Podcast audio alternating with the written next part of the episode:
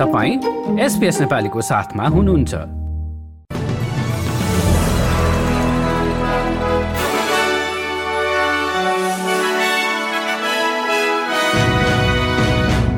नमस्कार आज बुधबार एघार अक्टोबर सन् दुई हजार तेइस।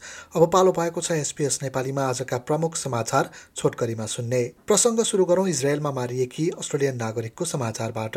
प्यालेस्टानी समूह हमासले इजरायलमा गरेको आक्रमणमा मारिएकी अस्ट्रेलियन महिलाको परिवारप्रति प्रधानमन्त्री एन्टोनी अल्बानिजीले समवेदना प्रकट गरेका छन्। सिडनीमा जन्मिएकी गलित कार्बोनीको गाजा स्ट्रिपभन्दा एक किलोमिटर पर रहेको किबुजमा हमासले गरेको अप्रत्याशित आक्रमणमा परि ज्यान गएको थियो। इजरायली मिडियाका अनुसार हालसम्म उक्त आक्रमणमा बाह्र सय जनाभन्दा बढीको ज्यान गइसकेको छ। अर्को समाचारमा रन फर द भोइसका लागि चौध हजार चार सय किलोमिटर दौड पुरा गर्दै उलुरु पुगेका लिबरलका पूर्व सांसद एवं म्याराथन रनर प्याट फार्मरलाई प्रधानमन्त्रीले बधाई दिएका छन्। भोइस टु पार्लियामेन्ट जनमत सङ्ग्रहको पक्षमा अस्ट्रेलियनहरूलाई प्रोत्साहन गर्ने उद्देश्यले उनले दौडको सुरुवात गरेको बताएका छन्। आगामी शनिबार चौध तारिकमा भोइस जनमत सङ्ग्रह हुँदैछ।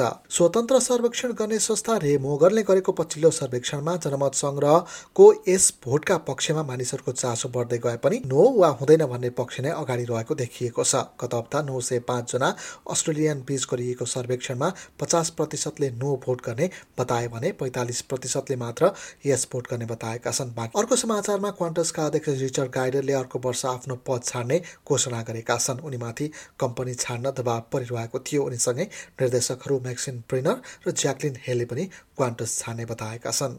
अब भने खेल समाचार अस्पतालमा लाइफ सपोर्टमा रहेका रग्बी खेलाडी नाथन मेरिटको अवस्थामा थोरै सुधार आएको छ। आफ्नै आन्टीको घरमा अचेत अवस्थामा फेला परेका नाथनको रोयल प्रिन्स अल्फ्रेड अस्पतालमा उपचार भइरहेको छ। हस् त यसका साथै आजको एसपिएस संक्षिप्त समाचार यति नै। सुरक्षित रहनुहोस्। नमस्कार।